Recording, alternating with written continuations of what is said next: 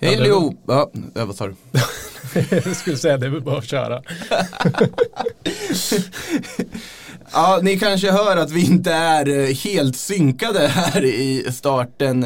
Eh, Fantasypodden som vi inte har satt något namn på riktigt än, det här lilla pilotprojektet som jag, Makoto Asahara och Andreas Käck sysslar med.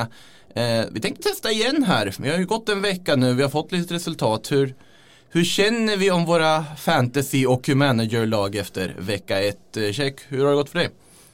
Ja men det är väl delade känslor som alltid i början på säsongen. Man tycker det är superkul att det är igång men man är ju redan frustrerad och sliter sitt hår över vissa val man har gjort.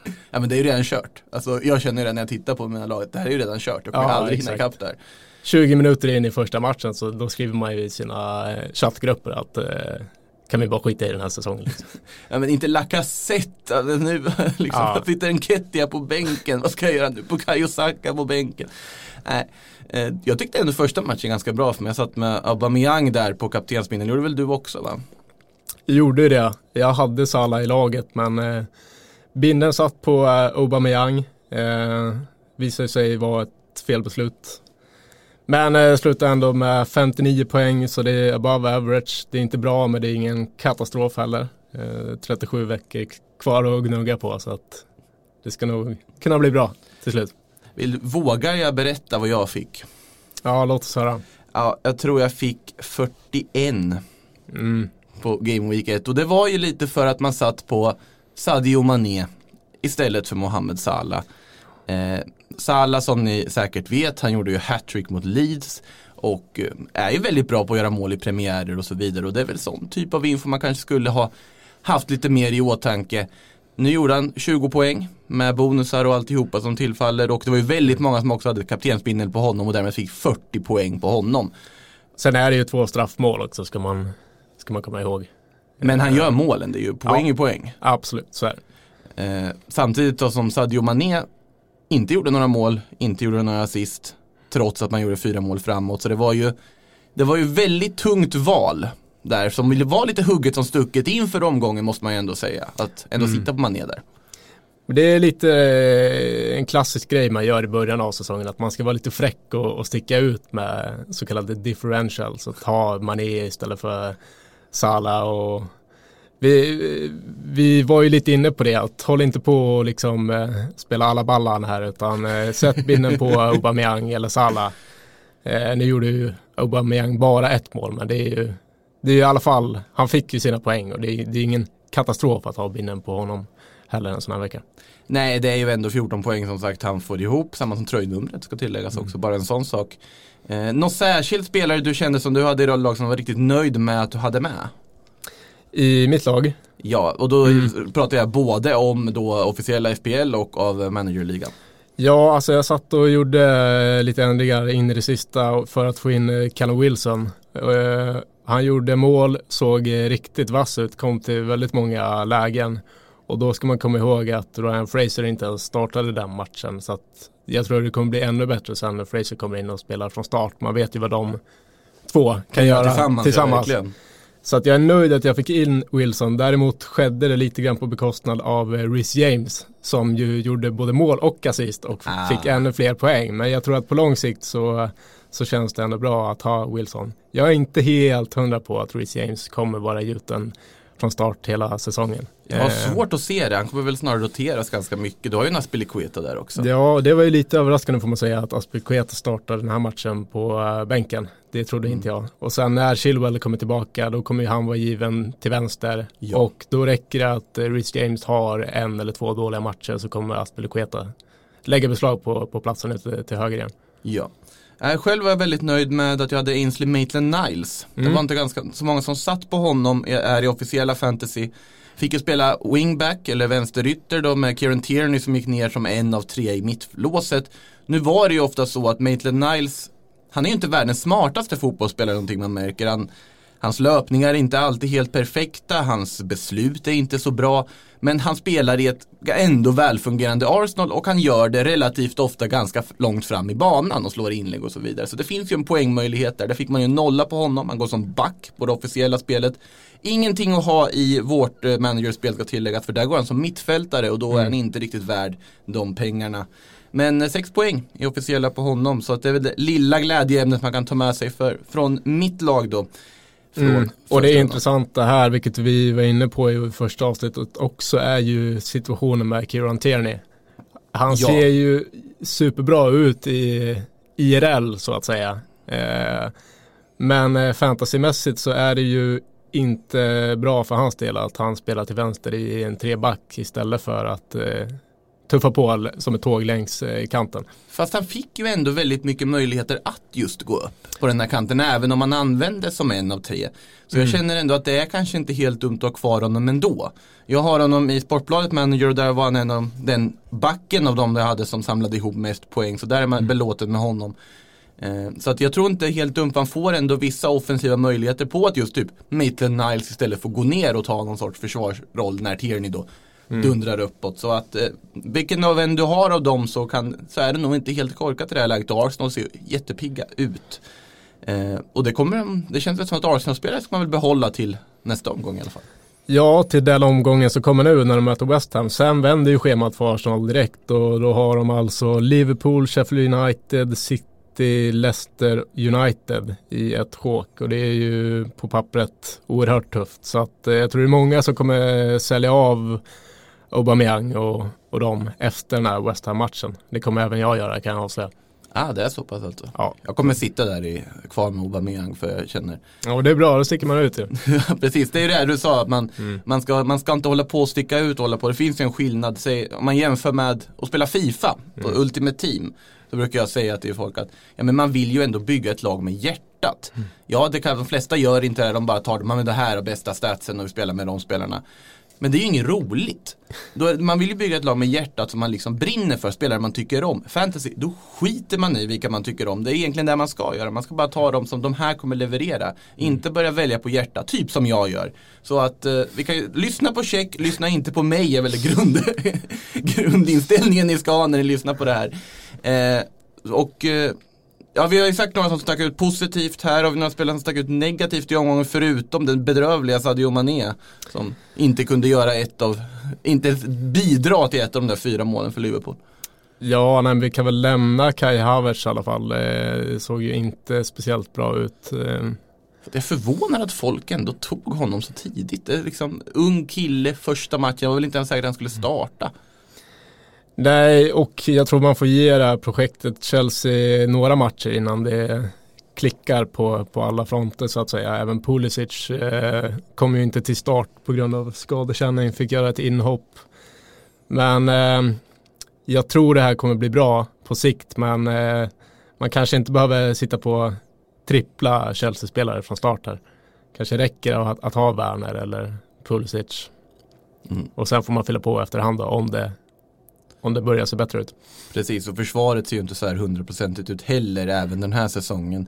Eh, Sen, sen tycker jag vi kan nämna Trent också som är liksom den stora premiumbacken som eh, uppemot 50% är det väl som eh, sitter på honom i officiella spelet. Eh, en poäng i en hemmapremiär mot Leeds. Det är såklart där man att- gör fyra mål återigen, Ja, men släpper in tre också. Det är såklart tråkigt och det är väl bara att hoppas att folk börjar eh, lämna Trent-tåget redan nu för att eh, själv kommer man sitta kvar. Eh, ingen fara på taket här. Trent kommer göra sina mål och assist och det kommer hållas nollor och han kommer vara den backen som tar flest poäng i år också. Det är jag eh, tämligen övertygad om så att jag eh, Du känner, sitter lugnt där. jag, jag känner ingen oro alls över Trent. Vad känner du om Kyle Walker Peters? Det var en sån här som många hade med.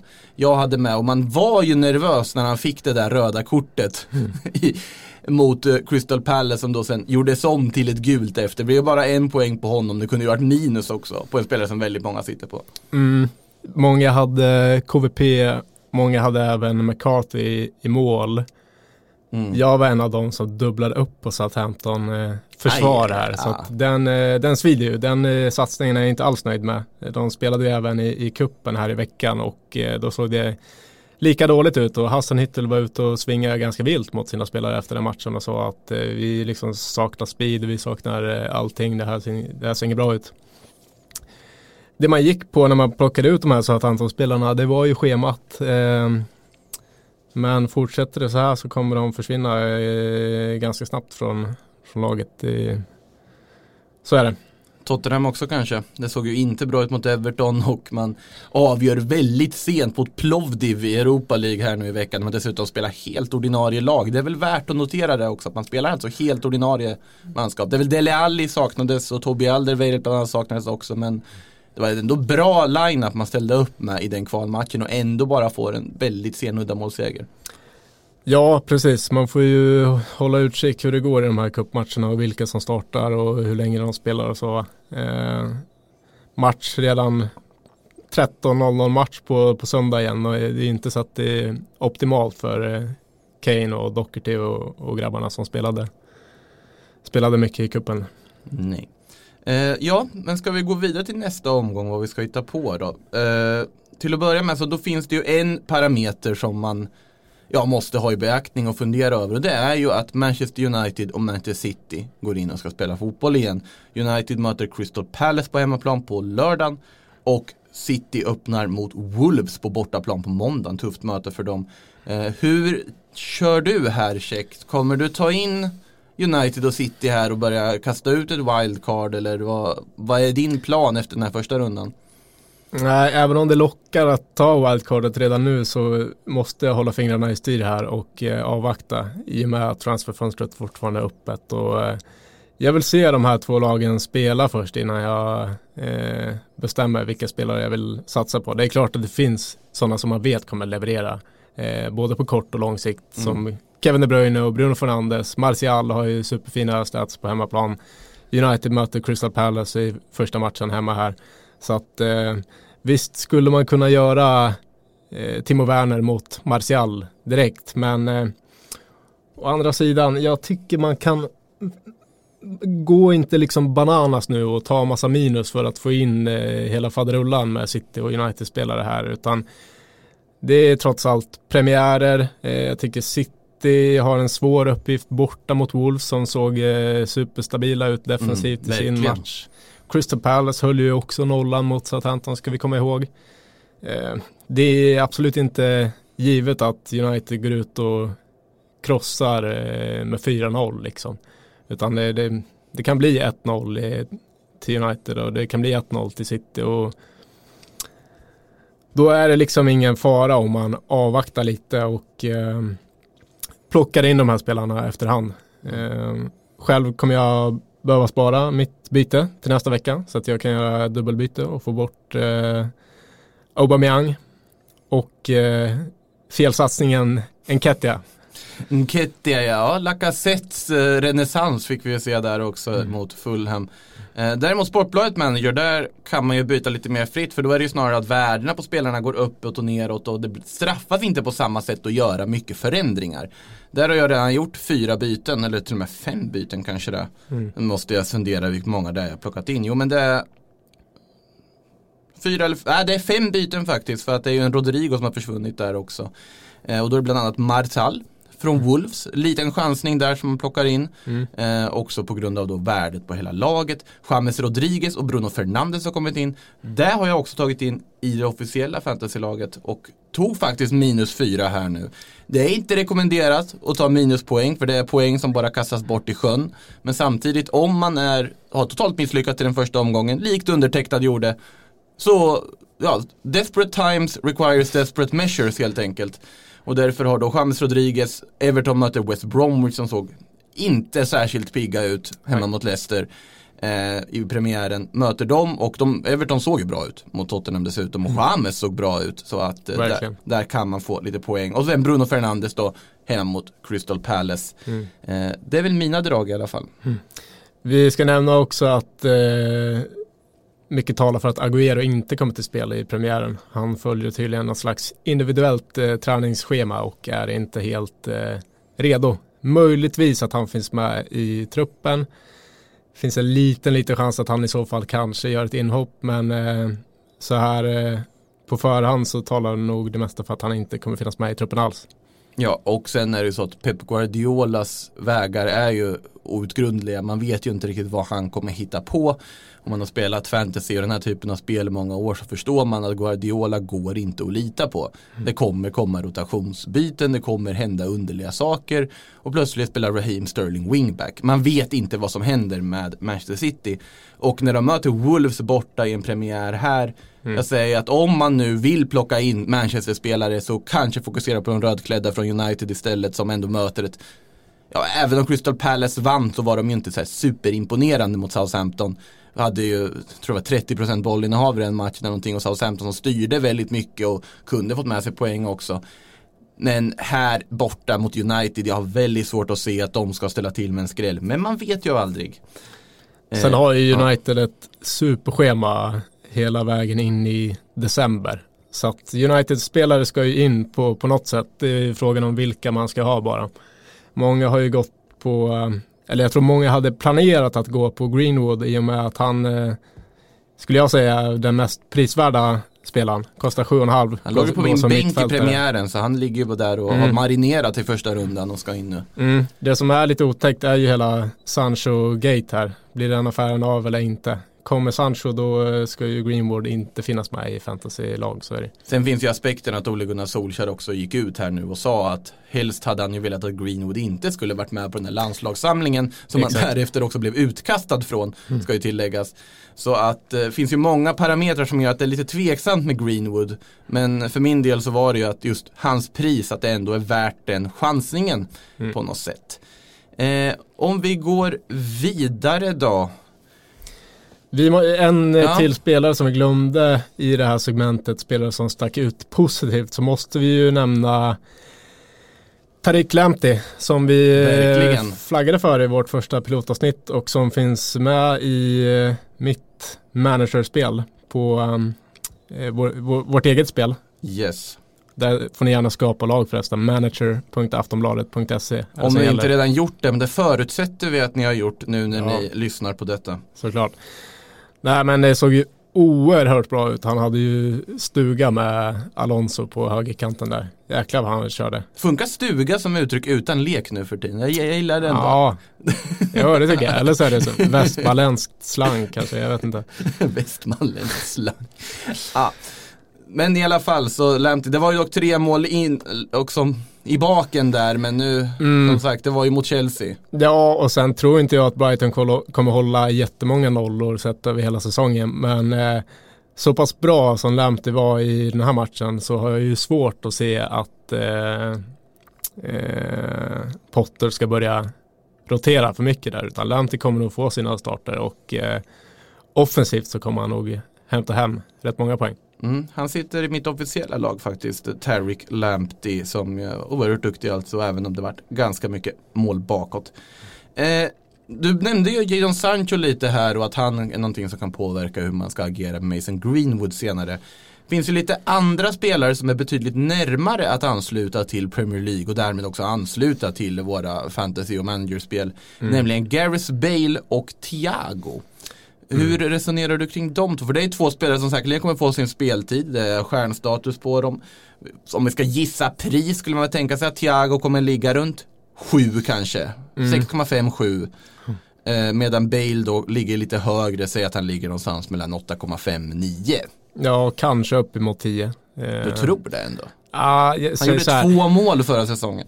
Jag hade inte blivit förvånad om han hade landat på 10 men jag tror de kommer sätta, sätta den på 9 för att eh, det, då blir det liksom ett val du ska göra mellan att ha Son eller Bale.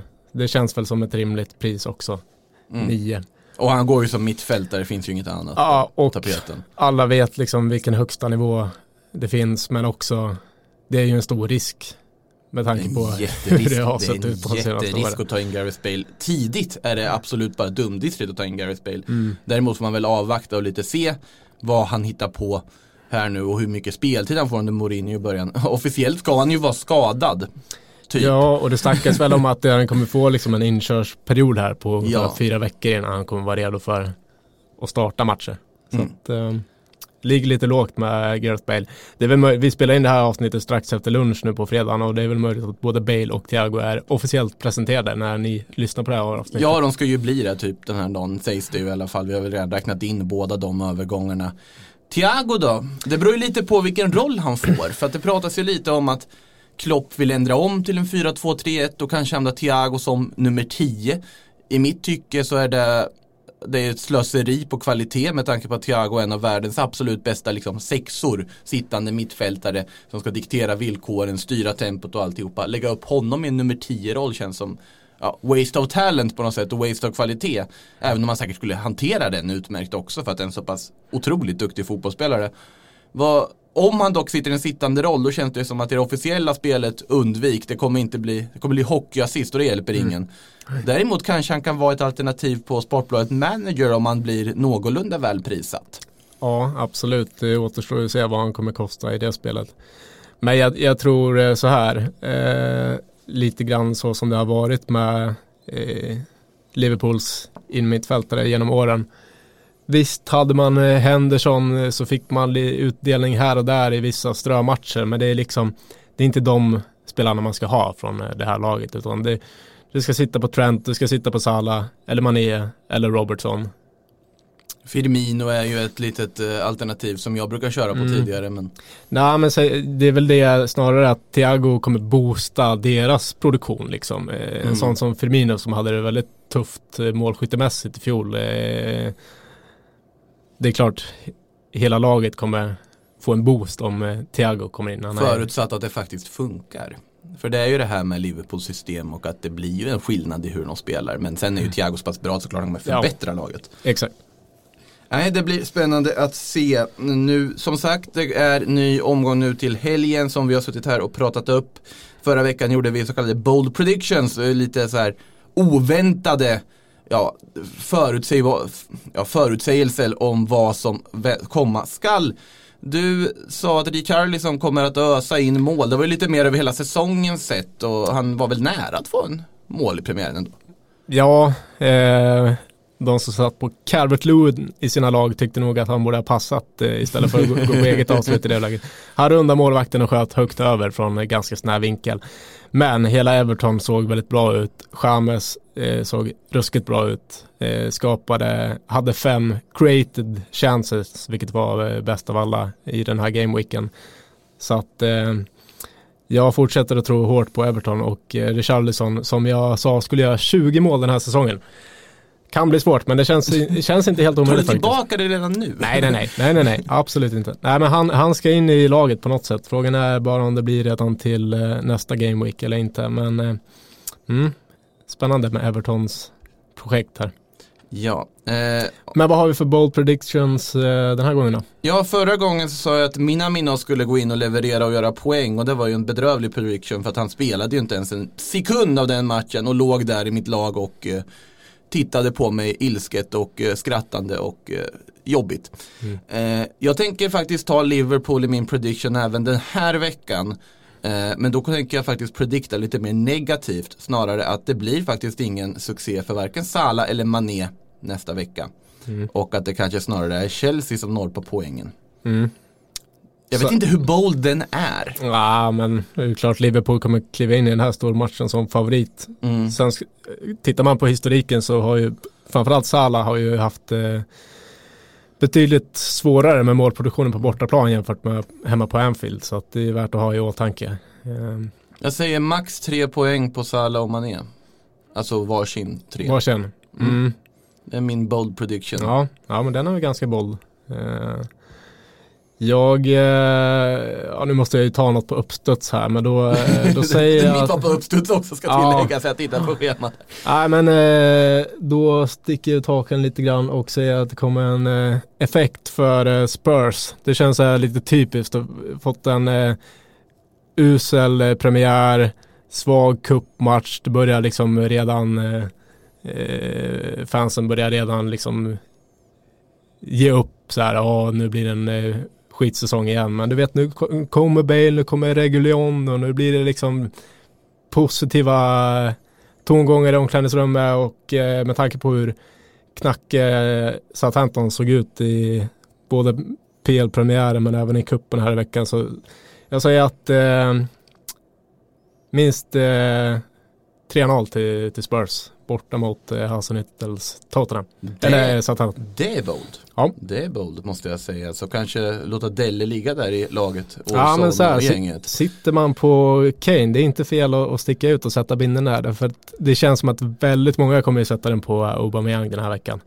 Arsenal mot West Ham liksom. Ja, det, så är det ju. Och Kane är ju faktiskt ett sånt här drag som man kanske ska fundera lite på. För att det är väldigt få som spelar Harry Kane Mm. den här säsongen. Om man jämför med vad det brukar vara. Så det kan faktiskt vara, om du vill ändå sticka ut men ändå hålla dig inom ramen. Så kanske Harry Kane på topp inte är ett helt dumt alternativ. Exakt. Eh, så är det. Med det sagt så är det väl bara att ladda för den här ännu en helg fylld av ångest, eh, bedrövelse och och eh, panik över spelare som inte passar i rätt lägen eller sätter lägen eller blir, får gula kort eller blir bänkade helt enkelt. För det är ju det som hör till att spela fantasyspel. Eh, Sportbladet Premier Manager, jag hoppas att ni är med i eh, Sportbladets PLP, Premier League-podden har en egen liga, jag hoppas att ni är med i den. Om ni inte är med i den så finns den någonstans på Psyks Twitterflöde, ni får scrolla ner, men jag kanske också kan lägga upp en länk som med inbjudan dit om ni nu vill vara med där. Eh, och eh, ja, då är det bara att ladda, Så är det. enkelt. På tema. Ja, vi hörs, ha det gott, lycka till framförallt också. Ja. Hej då.